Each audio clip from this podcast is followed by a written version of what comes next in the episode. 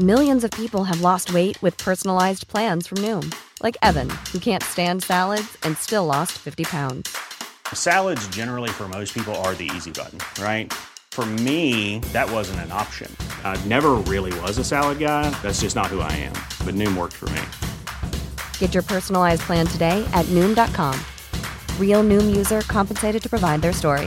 In four weeks, the typical Noom user can expect to lose one to two pounds per week. Individual results may vary.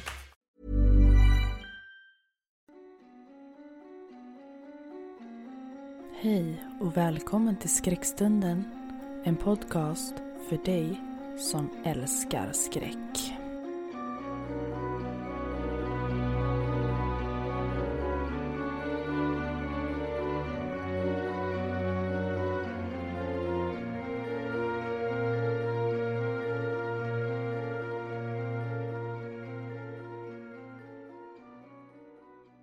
En kall och mörk natt i slutet av december år 1610 är några män på väg uppför sluttningen till borgen i Kartish som då hette Scheite i norra delen av det ungerska riket. Rikets premiärminister, greve Görgö Turso, går i spetsen. Turso är utsänd av kung Mattias den andra för att bringa klarhet i om det finns anledning att tro på alla de rykten som florerar om bortrövanden, tortyr och ritualmord i enkegrevinnan Elisabeth Batterys fästning. Turso, som är grevinnans kusin, har nere i byn fått höra de mest otroliga historier om grevinnan och hennes hantlangares nattliga orgier och häxfester. De utskickade männen smyger sig fram mot borgen i hopp om att kunna ta eventuella förövare på bar gärning. De är väldigt försiktiga. Grevinnan är en inflytelserik kvinna och skulle kunna bli en farlig fiende om de tog sig in oinbjudna och ryktena sen visade sig sakna grund. Till deras förvåning stod borgporten öppen. Inte en enda vakt syns till. Inne på borggården upptäcker de en ung tjänsteflicka med skadad höft som ligger och gråter i snön. Synen är inte direkt förvånande. Hård fysisk bestraffning av tjänstefolk, till och med godtyckliga avrättningar, är vanligt inom överklassen. På det kalla stengolvet innanför dörren ligger ännu en ung, halvnaken kvinna. Hon är vit i ansiktet och ser ut att ha förlorat mycket blod. Hon är död. Inte långt därifrån ligger ytterligare en flicka. Kroppen är täckt av sår. Ett svagt gnyende avslöjar att hon är vid liv, men döende. Männen rör sig försiktigt vidare in i den tysta, till synes övergivna borgen utan att möta något motstånd. I det mörka, underjordiska källarvalven upptäcker de en fängelsehåla med ett dussintal inspärrade flickor. I en fasansfull tortyrkammare ligger flera döda och halvdöda offer. De har troligen glömts bort när deras utmattade bödlar dragit sig tillbaka för natten. De skyldiga grips i sina rum. Flera av dem nedblodade från offren, däribland grevinnan själv. När den chockade delegationen har gått igenom hela borgen har de hittat över 50 svårt lemlästade lik. Detta är dock bara toppen av ett isberg. Under den följande rättegången framkommer att den blodbesudlade grevinnan och hennes hantlangare under flera år har torterat och dödat över 600 flickor och unga kvinnor.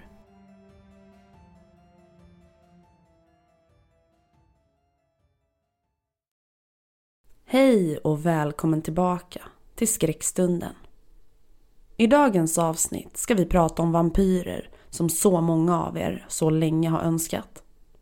Efter mitt avsnitt om varulvar så fick jag väldigt mycket positiv respons på hur jag hade lagt upp avsnittet.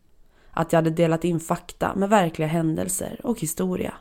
Därför tänkte jag även idag göra ungefär likadant.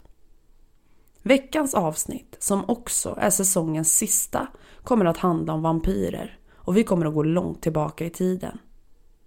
Ni ska få veta hur vampyrer sägs ha uppkommit och hur Dracula själv kanske den mest kända vampyren av alla, fått sitt namn och varför han framställs så som han har gjort. Det finns väldigt mycket fakta när man börjar grotta ner sig i det här med vampyrer. Men jag har valt att gå tillbaka långt i historien för att hitta grundpelarna och basen till hela den här mytomspunna varelsen. Eller vad vi nu ska kalla det. Jag kommer att prata om flera olika verkliga personer som sägs ha varit grunden till Dracula och alla kallblodiga vampyrberättelser därute. Innan vi rullar igång säsongens sista avsnitt vill jag varna känsliga lyssnare för skildringar och sekvenser i avsnittet som kan upplevas som otäcka. Jag vill också säga att uttalen på diverse städer, orter och namn kanske inte är korrekt uttalade. Nu rullar vi igång. Det sista avsnittet för säsong 3 med vampyrer. Jag hoppas att ni satt er till rätta, tagit något gott att dricka och kanske äta. För nu ska vi åka långt tillbaka i tiden. Som ni hörde innan introt så har vi redan dragit igång starkt och massor med döda människor har påträffats. Dödade på olika brutala sätt. Ni hörde inledningen om Elisabeth Battery, blodgrevinnan som sägs vara startskottet till allt som har med vampyrer att göra. Nu fortsätter vi. Välkommen tillbaka till säsongsavslutningen av säsong 3 i skräckstunden.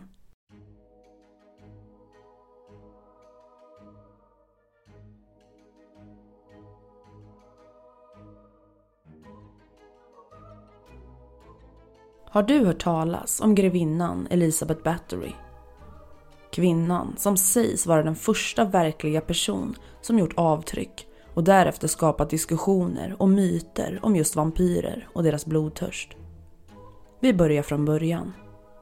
Elizabeth Bathory föddes år 1560 i staden Nyrbator i Ungern. Hon växte upp i staden Exed i Transylvanien i en av familjens många borgar. Hennes föräldrar, baron Giorgio Battery och Anna Battery, tillhörde varsin gren av en av de rikaste och mest inflytelserika protestantiska familjerna i det ungerska riket. Hennes morbror Stefan Battery var prins av Transylvanien och kung av Polen mellan åren 1575 och 1586. Bland övriga släktingar fanns en kardinal, en rad biskopar samt rikets förste minister, greve Turso, som år 1610 var med och grep den blodiga grevinnan. Det sägs att den unga Elizabeth Bathory hade ett väldigt hetsigt temperament och mycket tyder på att hon led av epilepsi eller någon annan neurologisk åkomma, vilket flera historiker påstås ha uppkommit efter flera generationer av inavel som syftade till att hålla rikedomarna inom släkten. Andra familjemedlemmars perversa beteenden pekar i samma riktning. Men det begränsade antalet källor gör det svårt att säga hur mycket som är rykten och efterhandskonstruktioner som ska försöka ge en förklaring till hennes ofattbara gärningar. Samma förklaring kan gälla de berättelser som har bevarats om traumatiserande händelser under hennes tidiga barndom. Det sägs bland annat att hon fick se sin syster våldtas och dödas av rasande bönder och att hon själv med nöd och näppe undkom att drabbas av samma öde. Den 8 maj år 1575, när Elisabeth var bara 14 år gammal, gifte hon sig med den fem år äldre greven Ferenc Nadasti. Han var officer i kronans tjänst och tillbringade mycket tid i fält mot dåtidens stora fiende, de turkiska osmanerna som hotade det ungerska riket söderifrån.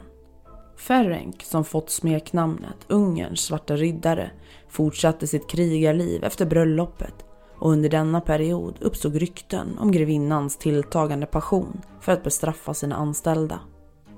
Det finns exempel på att makarna i brevväxlingar diskuterade metoder för att tillrättavisa personalen. Bland annat ett där grevinnan vintertid skulle göra isstatyer av unga nakna flickor genom att sakta hälla kallt vatten över dem tills de var infrusna och döda.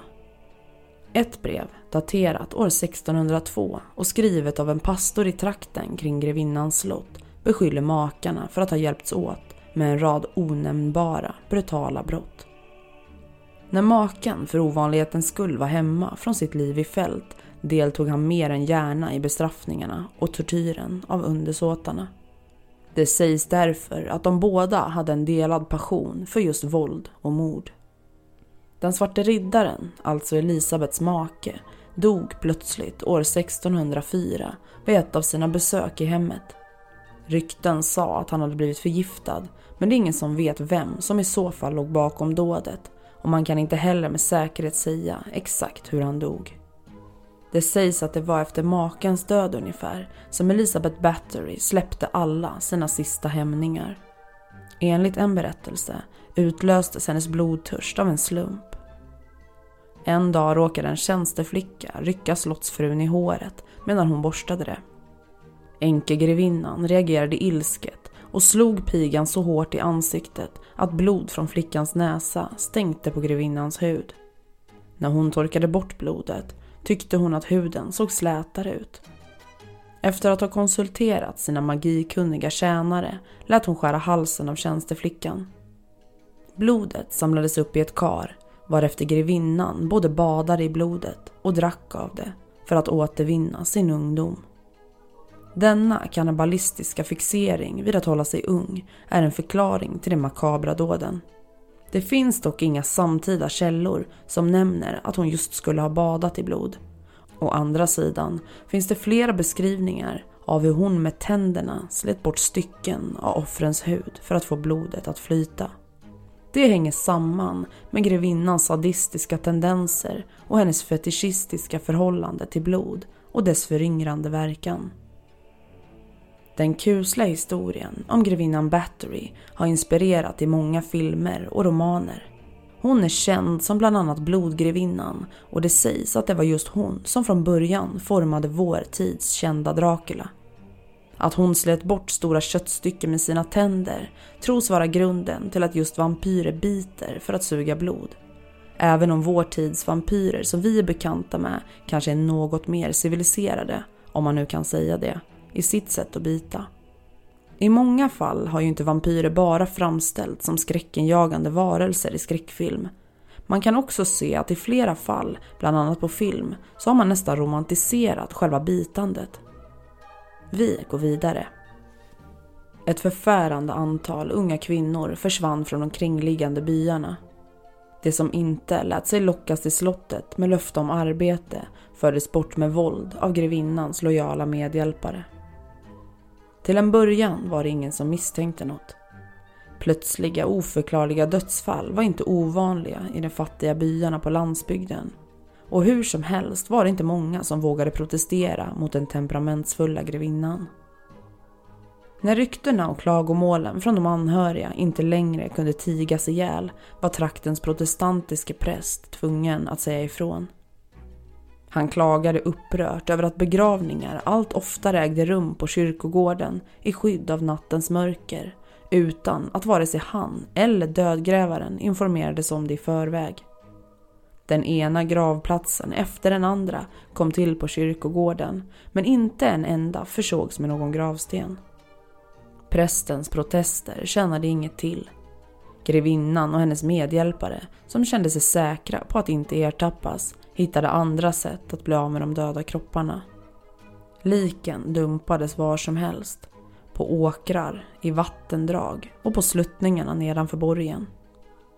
Även om dödsorsaken var en offentlig hemlighet fanns det ingen som var beredd att vidta rättsliga åtgärder mot grevinnan. Hon hade mäktiga släktingar och offren var döttrar till fattiga bönder. Med tiden tog bondflickorna slut i byarna och då blev grevinnan Elisabeth ännu mer oförsiktig. Nu tog hon sig istället an lågadliga flickor under löften om att hon skulle utbilda dem till adelsdamer. Det blev genast ett allvarligare problem. När kung Mattias den andra nåddes av historien om att nio jungfrur ur den lokala noblessen hade försvunnit efter att ha åkt till grevinnans borg var han tvungen att agera. Han var beroende av adelns sympatier för att kunna behålla sin maktposition. Historiker har spekulerat i om kungens initiativ möjligen var ett försök att avgöra en personlig maktkamp mellan honom och grevinnan.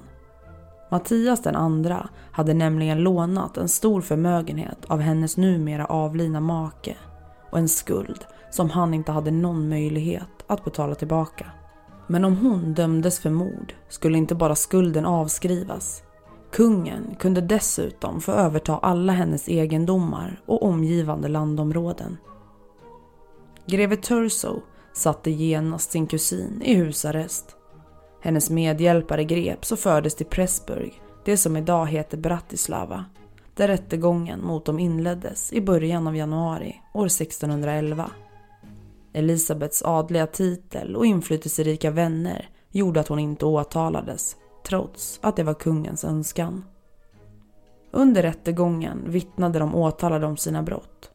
Hushovmästaren Johannes medgav att han hade varit närvarande vid morden på 37 unga kvinnor i åldrarna mellan 11 och 27 år. Han redogjorde detaljerat för de tortyrmetoder som offren utsatts för. Detsamma gällde grevinnans jungfru Ilona som följt henne sedan barndomen. Hon erkände att hon hade hjälpt till vid långt över 50 mord. Det mest chockerande vittnesmålet kommer från en ung tjänsteflicka vid namn Susanna som berättade att hon vid ett tillfälle hade tjuvtittat i fruns dagbok i vilken grevinnan dag för dag skrivit in offrens namn. Ofta med små anmärkningar som mörkhårig eller mycket liten. Susanna räknade till totalt 612 namn på listan. I rättegångsprotokollen talades det bara om 80 offer eftersom rättegången huvudsakligen fokuserades på adelsflickorna. Kung Mattias skrev dock i ett brev till premiärminister Turso att han hade hört talas om fler än 300 försvunna kvinnor. Eftersom det åtalades vittnesmål avlades under tortyr och i hopp om en mildare dom var vittnesutsagorna inte särskilt pålitliga. Det fanns ytterligare ungefär 200 ögonvittnen, däribland flera av de överlevande och männen som smög sig in i borgen tillsammans med Turso den där decembernatten. De 21 domarna visade ingen nåd. De dömde alla åtalade till döden. Tre så kallade häxor, däribland grevinnans jungfru Ilona, dömdes dessutom att få fingrarna avdragna med glödande tänger innan de brändes levande på bål för att de hade låtit kristet blod flyta. Dock gick enkegrevinnan Elisabeth själv fri från dödsstraff. Än en gång räddades hon av sin höga rang. Kung Mattias försökte vid upprepade tillfällen få henne dömd och alla hennes tillgångar konfiskerade. Greve Turso förhindrade dock detta med hänvisning till familjens goda namn. Alla var dock rörande överens om att hon inte kunde släppas fri även om hon inte skulle bli avrättad.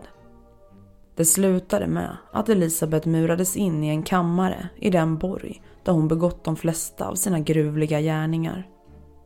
Man lämnade bara ett par små springor i väggen.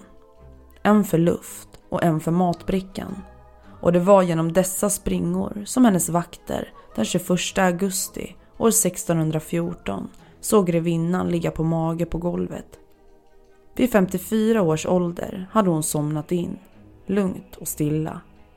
Begravningen blev dock inte fridfull.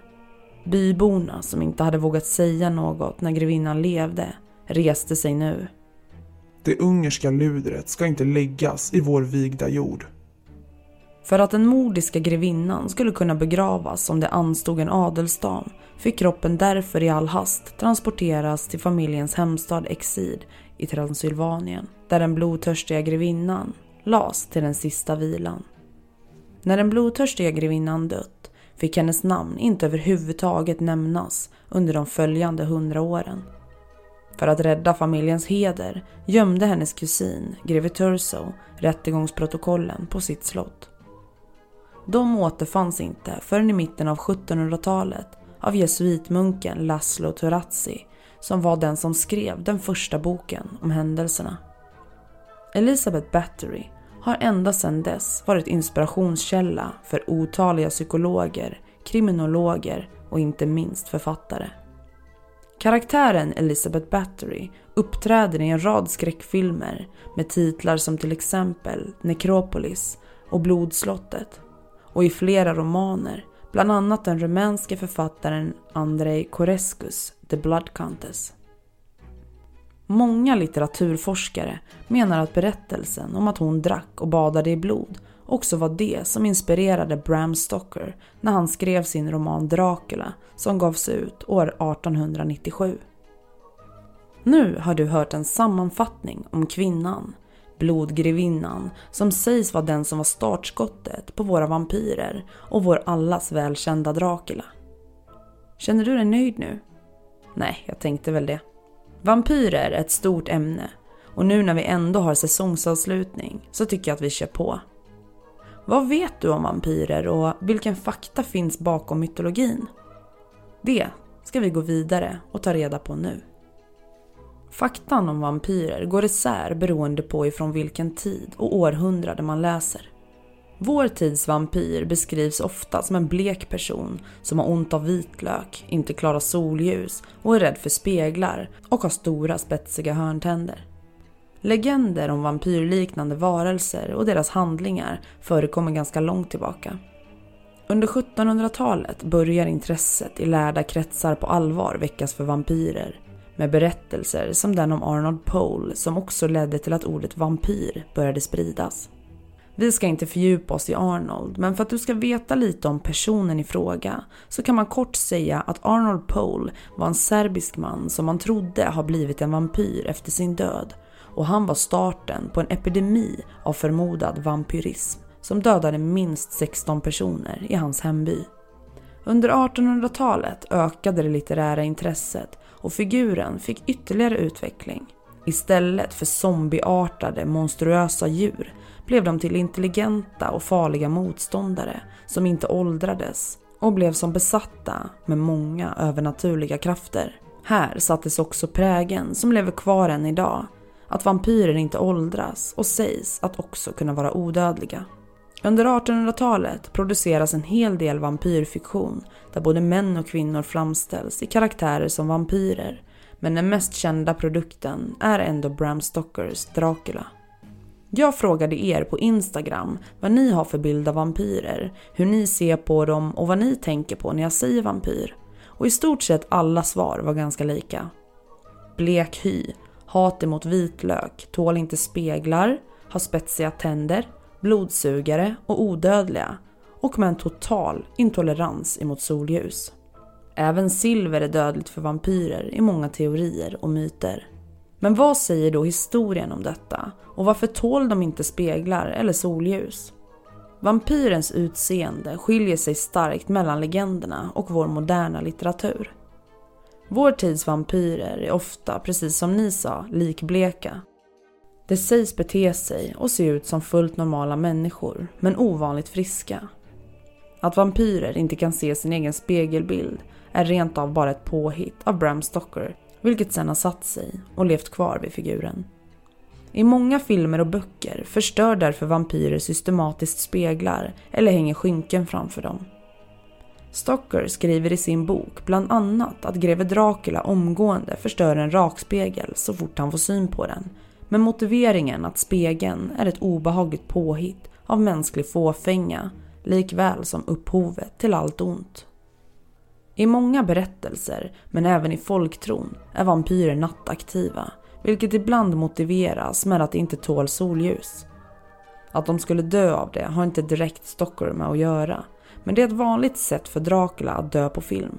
Något som även omnämns hela tiden är att vampyrer måste bli inbjudna för att kunna komma in i ens hus. Med vissa undantag har vampyren stor motståndskraft mot all materiell påverkan.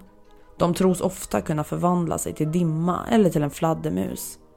De antas ha en övernaturlig styrka, snabbhet, smidighet och intelligens var mycket vackra och karismatiska och vissa tros kunna dominera eller kontrollera människor.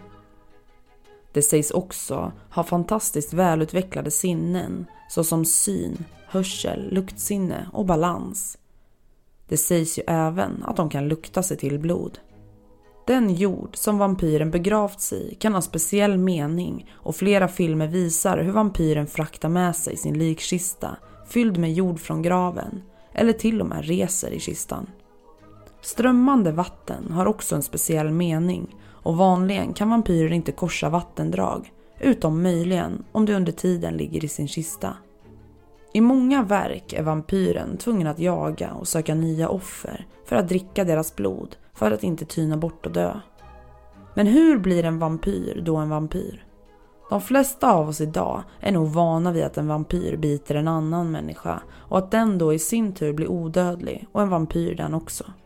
Den teorin förekommer också inom folktron. Vanligen är dock smittan något som dödar över en något längre tid än i populärkulturen. Det förekommer också att man kan vara vampyr medan man fortfarande är i livet. Det finns också andra sätt som man enligt sägnerna skulle kunna bli en vampyr på. Några exempel är de som tar livet av sig, de som har dött under våldsamma förhållanden, de som själva varit våldsamma, alkoholister, de som har dött ensamma, de som har varit häxor eller trollkarlar, eller den som fötts som det sjunde barnet i en familj med barn av ett och samma kön. Ett oäkta barn till oäkta föräldrar eller den som avlats på en helgdag. Den som först dog i en epidemi. Och om en hund, katt eller fladdermus passerade över kroppen eller en människa sträckte sig över den. Det finns alltså en hel del olika sätt som man kan bli vampyr på.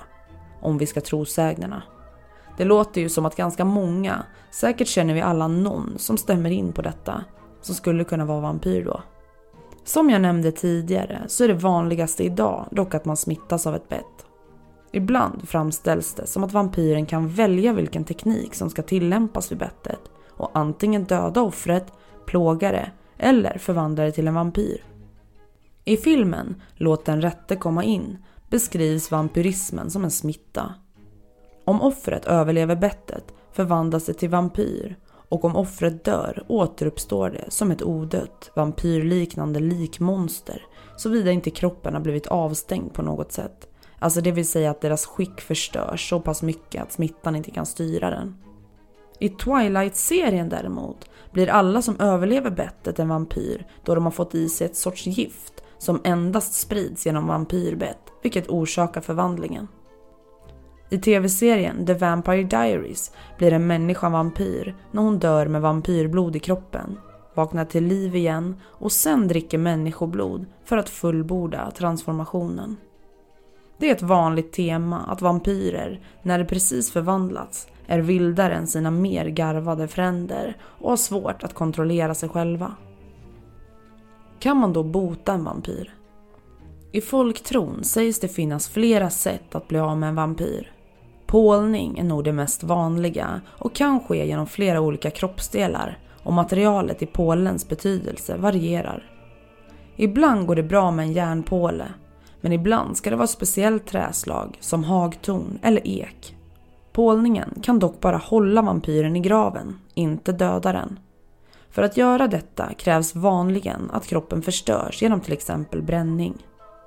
På andra platser var sånt tvärtom olämpligt och kunde leda till att en gengångare skapades av ilska under behandlingen. Ibland har man försökt se till att själen inte ska kunna vandra ut eller in ur kroppen via kroppsöppningarna. Vanligen munnen genom att tillsluta de här på olika sätt. Även järn har ansetts som verksamt mot vampyrer, liksom att kasta frön i graven.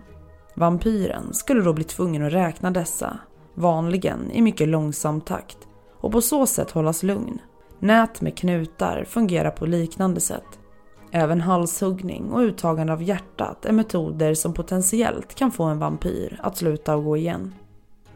Det är även allmänt känt att man ska kunna finna vampyrens grav innan det mörknar eftersom den ska befinna sig i en kista vid det laget. Denna kunskap kan man använda för att göra sig av med den, alternativt märka ut stället under dagen för att återkomma någon annan dag.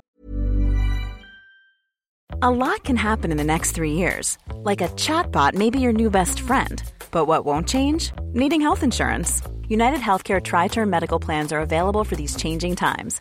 Underwritten by Golden Rule Insurance Company, they offer budget friendly, flexible coverage for people who are in between jobs or missed open enrollment. The plans last nearly three years in some states, with access to a nationwide network of doctors and hospitals. So, for whatever tomorrow brings, United Healthcare Tri Term Medical Plans may be for you. Learn more at uh1.com. Millions of people have lost weight with personalized plans from Noom, like Evan, who can't stand salads and still lost 50 pounds. Salads, generally, for most people, are the easy button, right? For me, that wasn't an option. I never really was a salad guy. That's just not who I am. But Noom worked for me. Get your personalized plan today at Noom.com. Real Noom user compensated to provide their story. In four weeks, the typical Noom user can expect to lose one to two pounds per week. Individual results may vary. Som jag nämnde tidigare så är det nog för många känt att vitlök är starkt förknippat som vampyrernas stora avsky och det kommer ifrån vår moderna tid. I populärkulturen ska vitlök ha kraft att stöta bort men inte skada vampyrer, precis som vissa religiösa symboler, vanligen kors eller krucifix. Egentligen sägs vampyrer bara avsky symbolen av den religion de tillhörde när de var människor. Alltså judar som blivit vampyrer skyr med andra ord Davidsstjärnan medan kristna vampyrer skyr korset. I filmer är det dock oftast skildrat att ingen vampyr tål kors. Exempelvis i Buffy och vampyrerna där korset bränner vampyrens hud om det vidrör det. Även vigvatten fungerar som skydd då det fräter som syra på vampyrens hud. I folktron är det dock ovanligt med sån religiös koppling då vampyrer egentligen inte har med religion att göra. Och så har vi det där med solljuset. I Bram Stokers Dracula tål vampyrerna solljus men försvagas av det. Men i Twilight tål vampyrerna solljus men deras hud reflekterar det så att de glittrar vilket gör att de inte kan visa sig i solljus inför människor utan att avslöja att de är annorlunda. Twilight-böckerna beskriver att myten om att brinna av solljus kommer av att människor har förväxlat det starka ljus vampyrerna reflekterar i solen med att det brinner. Avslutningsvis, utan att själv sätta mig i en roll som biologilärare eller forskare, så tänker jag ta upp en sista teori som sägs vara ursprunget till alla vampyrmyter. Sjukdomen porfyri anges ofta som ursprung till vampyrmyterna. Sjukdomens symptom liknar nämligen den moderna bilden av vampyrer.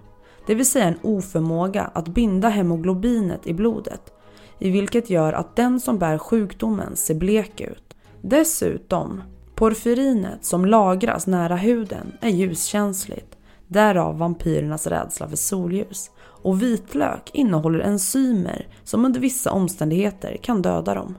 Dessutom kan porfyrinet orsaka att tandköttet dras tillbaka så att tänderna ser större ut och blodtörsten kan komma av bristen på friskt hemoglobin.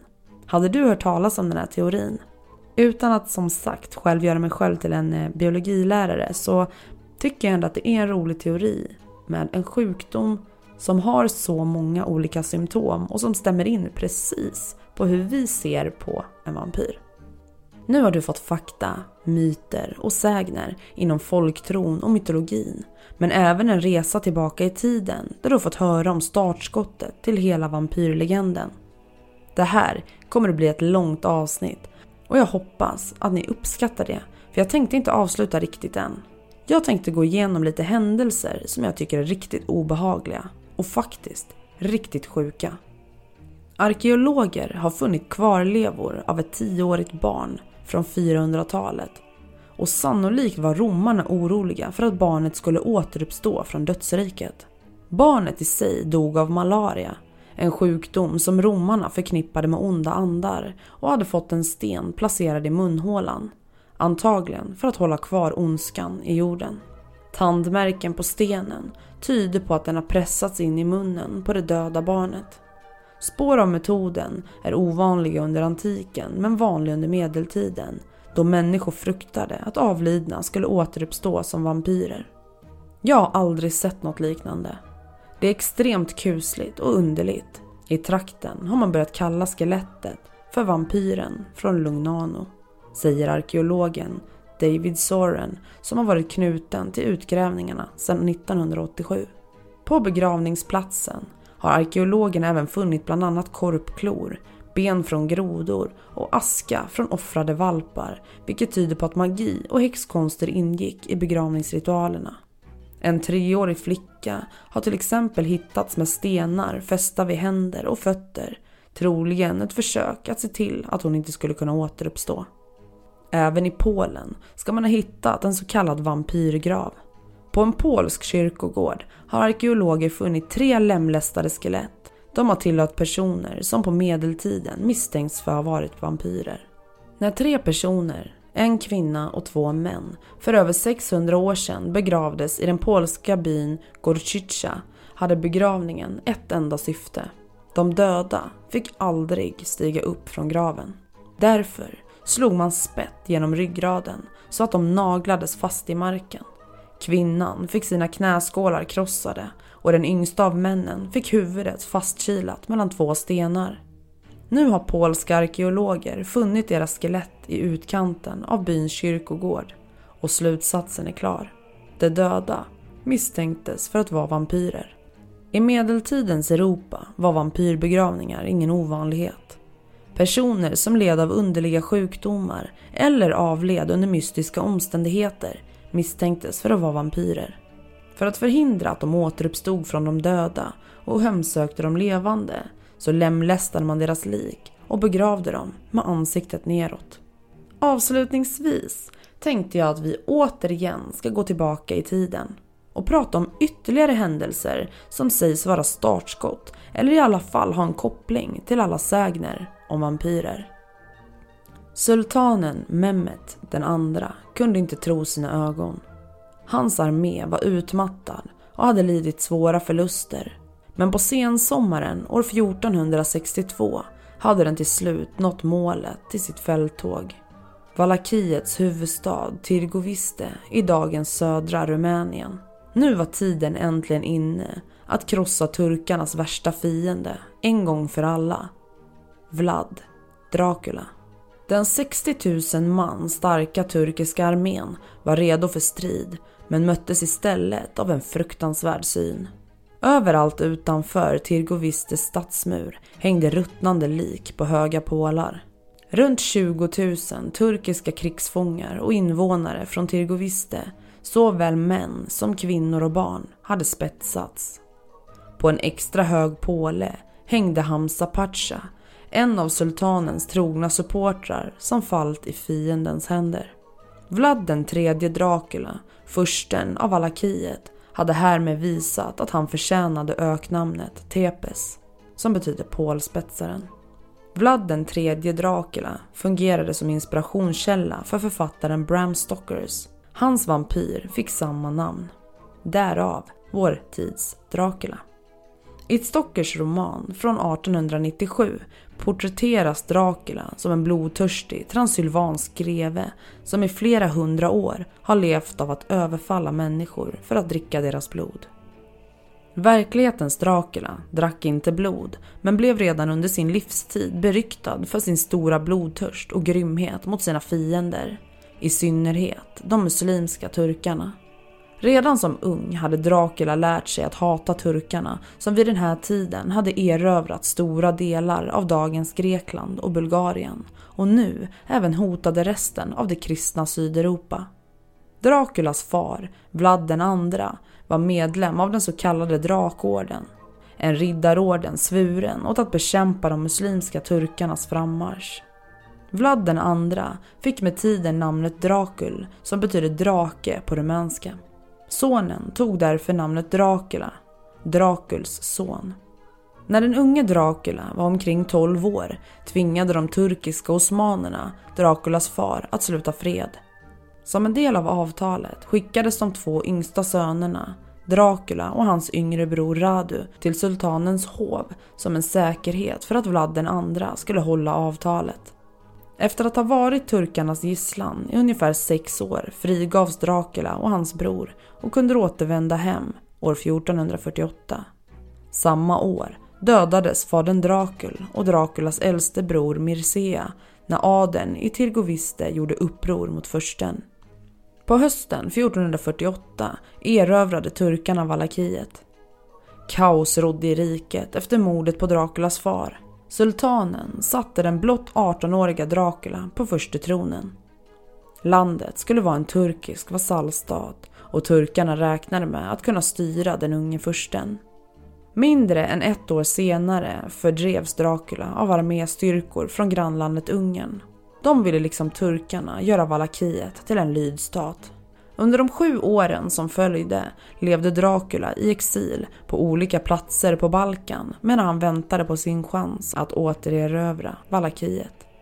Än en gång blev det turkarna som gav honom chansen, om än indirekt. År 1456 utkämpade den ungerske härföraren Janos ett rasande krig mot turkarna som hade nått ända fram till Serbiens huvudstad Belgrad. Janos var så pressad att han lät sin gamle fiende Dracula leda försvaret av Transylvanien som var gränsområdet mellan Ungern och Valakiet. På så sätt gav han Dracula chansen att vinna tillbaka Valakiets tron. Dracula tog chansen och samma år lyckades han. Med sin ungerska armé erövrade han Valakiet och återtog sin fars tron. Och nu inleddes hans skräckregim. Den 27-årige Dracula hade ett viktigt mål. Han ville hämnas på den valakiska adeln för morden på sin far och storebror. Men istället för att beordra sina män att omedelbart gripa adelsmännen med risk för att några av dem skulle kunna komma undan förhöll han sig kyligt avvaktande. Nästan ett år efter att han kommit till makten, på påsken år 1457, bjöd han oväntat till fest för alla de adelsmän som han misstänkte var inblandade i morden. Under tillställningen grep han samtliga adelsmän och lät spetsa de flesta av dem. Meterlånga pålar kördes längs ryggraden, rakt genom kroppen på dem, tills pålspetsen stack ut i nacken. Andra spetsades genom magen eller bröstkorgen och därefter restes pålarna, ofta medan offren fortfarande levde. Det var efter denna händelse som försten fick öknamnet Pålspetsaren. Draculas brutala framfart mot adeln gjorde honom populär bland resten av undersåtarna. I synnerhet bönderna som under många år hade förtryckts av den mäktiga adeln. Den unge försten hatade all form av stöld, lögn och ohederlighet och alla som gjorde sig skyldiga till dessa brott avrättades omedelbart. Oavsett om personen var adelsman, munk eller vanlig medborgare. Enligt legenden var Draculas straff så verkningsfulla att försten kunde ställa ut en ovärderlig guldkopp vid stadens offentliga brunn för törstiga resandes bruk och ingen vågade stjäla den. När en utländsk köpman en dag kom och berättade för Dracula att någon under natten hade stulit 160 gulddukater från hans vagn bad Dracula honom att lugna sig och lovade att han skulle få tillbaka sina pengar före kvällen. Därefter beordrade Dracula sitt folk att ta 161 gulddukater från skattkammaren och lägga dem i köpmannens vagn. På kvällen hittade köpmannen pengarna och räknade dem. Han gick till Dracula och berättade att han hade fått tillbaka sitt guld men att en av dukaterna inte tillhörde honom. Dracula hade under tiden hittat förövaren och visade upp både honom och det stulna guldet för köpmannen med orden “Gå i frid. Om du inte hade berättat att du hittat den extra dukaten hade jag spetsat dig tillsammans med den skyldige.” År 1461 skickades den turkiske sultanen Mehmet den andra två sändebud till Valakiet för att kräva tribut av Dracula. Enligt legenden ska de två utsända ha vägrat att visa respekt för Dracula och tog därför inte av sig sina huvudbonader. Dracula blev så arg att han gav order om att hattarna skulle sys fast på deras huvuden. Det blev början till slutet på Draculas styre. Strax efter gick sultanens styrkor över Donau och började terrorisera befolkningen i Valakiet. Dracula beordrade sina soldater att driva ut turkarna igen och förföljde dem över Donau in i Bulgarien där han urskillningslöst mördade både turkar och bulgarer. I ett brev till den ungerske kungen daterat den 11 februari år 1462 berättar Dracula att han hade dödat 23 884 turkar och bulgarer. Därtill kommer det som har innebränts i sina hus vars huvuden inte visats upp för våra ämbetsmän. Sultan Mehmet bestämde sig att en gång för alla göra upp mot räkningen med Dracula och ta makten i Valakiet. Den som kontrollerade Valakiet kontrollerade nämligen även floden Donau. Och det skulle ge Mehmet enorma strategiska fördelar i hans strider mot det tysk-romerska riket. Under våren utrustade han en styrka på 60 000 soldater och den 4 juni gick han in i Valakiet. Sultanen själv ledde sin armé. Han mötte dock inget motstånd. Bara nedbränd mark förgiftade brunnar och ödelagda byar.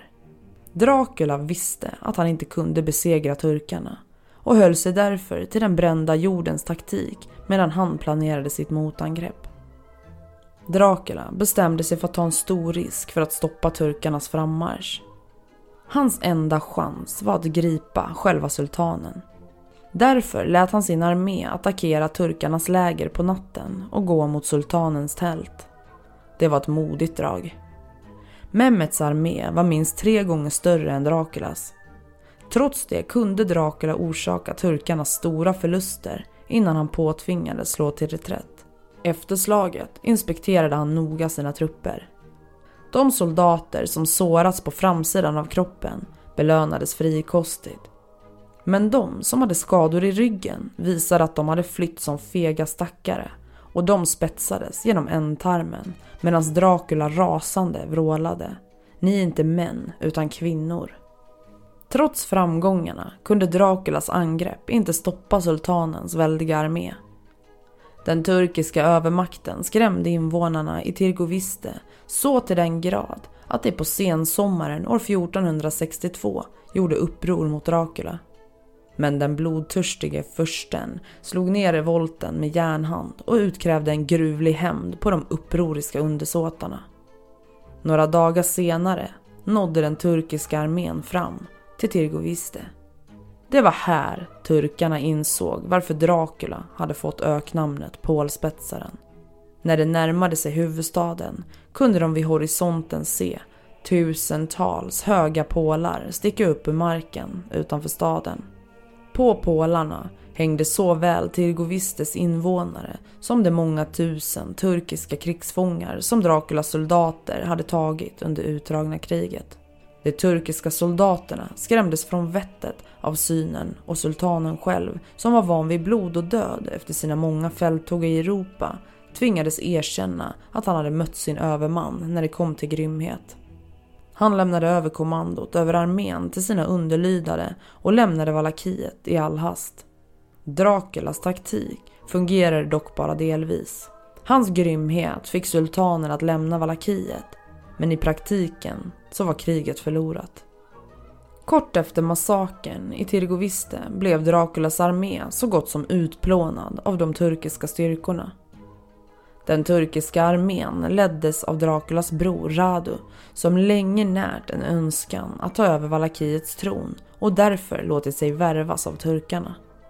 Dracula flydde och slog sig ner i de transylvanska bergen. Det blev basen för hans kamp. För att få hjälp försökte han alliera sig med Ungerns kung Mattias den första Corvinius. Den ungerske kungen lät sin armé marschera in i Transylvanien under förespegling att han ville hjälpa Dracula tillbaka till makten. Istället lät han gripa Dracula och spärrade in honom i ett slott i Ungern.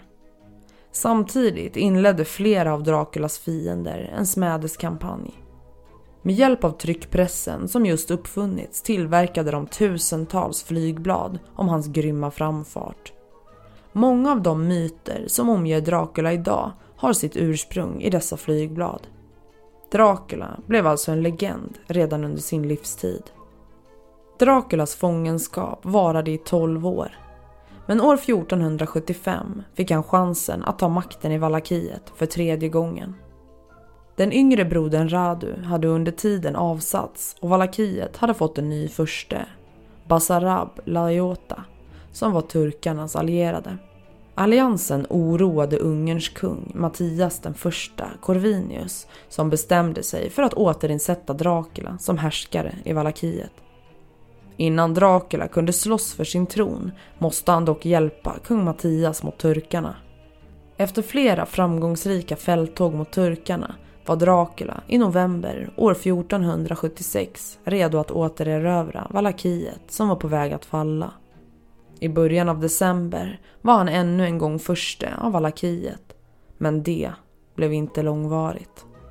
Basarab Laiota, som han hade drivit på flykten, återvände tillsammans med en turkisk här, större än Dracula kunde besegra.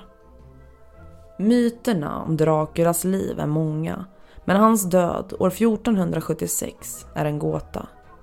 Möjligen dödades han i strid mot turkarna. Men kanske mördades han av en förrädare från den illojala valakiska adeln. Enligt en historia skickades hans avhuggna huvud till sultanen som bevis för att Pålspetsaren äntligen var död. I slutändan förlorade alltså Dracula kampen mot de invaderande turkarna. Men hans envisa motstånd skänkte trots allt Västeuropa dyrbar tid att förbereda sig inför de turkiska styrkornas senare angrepp. Draculas kamp mot den förtryckta adeln gjorde honom samtidigt till folkhjälte trots hans ohyggligt grymma framfart med både fiender och undersåtar. Det var allt för veckans avsnitt, men också för den här säsongen.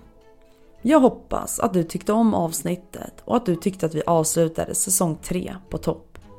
Jag kan se att ungefär 98% av er som lyssnar på podden inte följer mig på Instagram och det tycker jag att du ska göra. På min Instagram släpper jag all information som rör podden. Som till exempel datum för säsongstarter, datum för specialavsnitt, men också tävlingar och annat kul. Så följer du inte redan mig, då tycker jag att du ska gå in och göra det nu direkt så att du inte missar någonting. Jag heter Skräckstunden på Instagram, men jag har även en grupp på Facebook som heter Skräckstunden eftersnack. Det ligger länkar till alla mina sociala medier i beskrivningen under avsnittet. Det är också på mina sociala medier som jag lägger ut bilder som är relaterade till avsnitten. Så vill du se bilder som är relaterade till avsnittet idag och grejer som jag pratat om så tycker jag att du måste spana in där. Det här var allt för mig och ett stort tack och ett varmt tack till alla er som har hängt med mig genom hela säsong 3.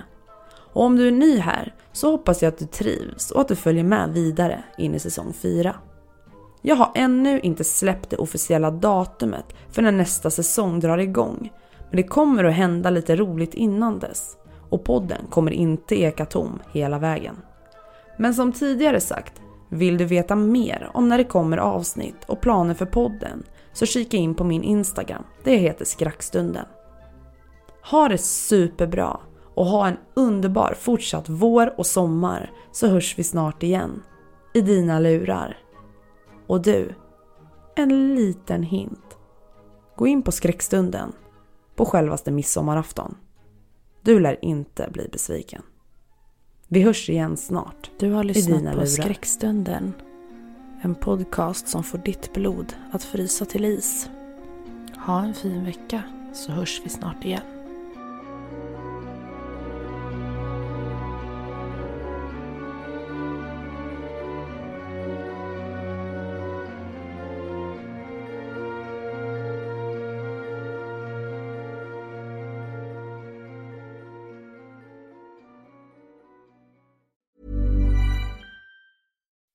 When you make decisions for your company, you look for the no-brainers. If you have a lot of mailing to do, stamps.com is the ultimate no-brainer. Use the stamps.com mobile app to mail everything you need to keep your business running with up to 89% off USPS and UPS. Make the same no-brainer decision as over 1 million other businesses with stamps.com. Use code PROGRAM for a special offer. That's stamps.com, code PROGRAM.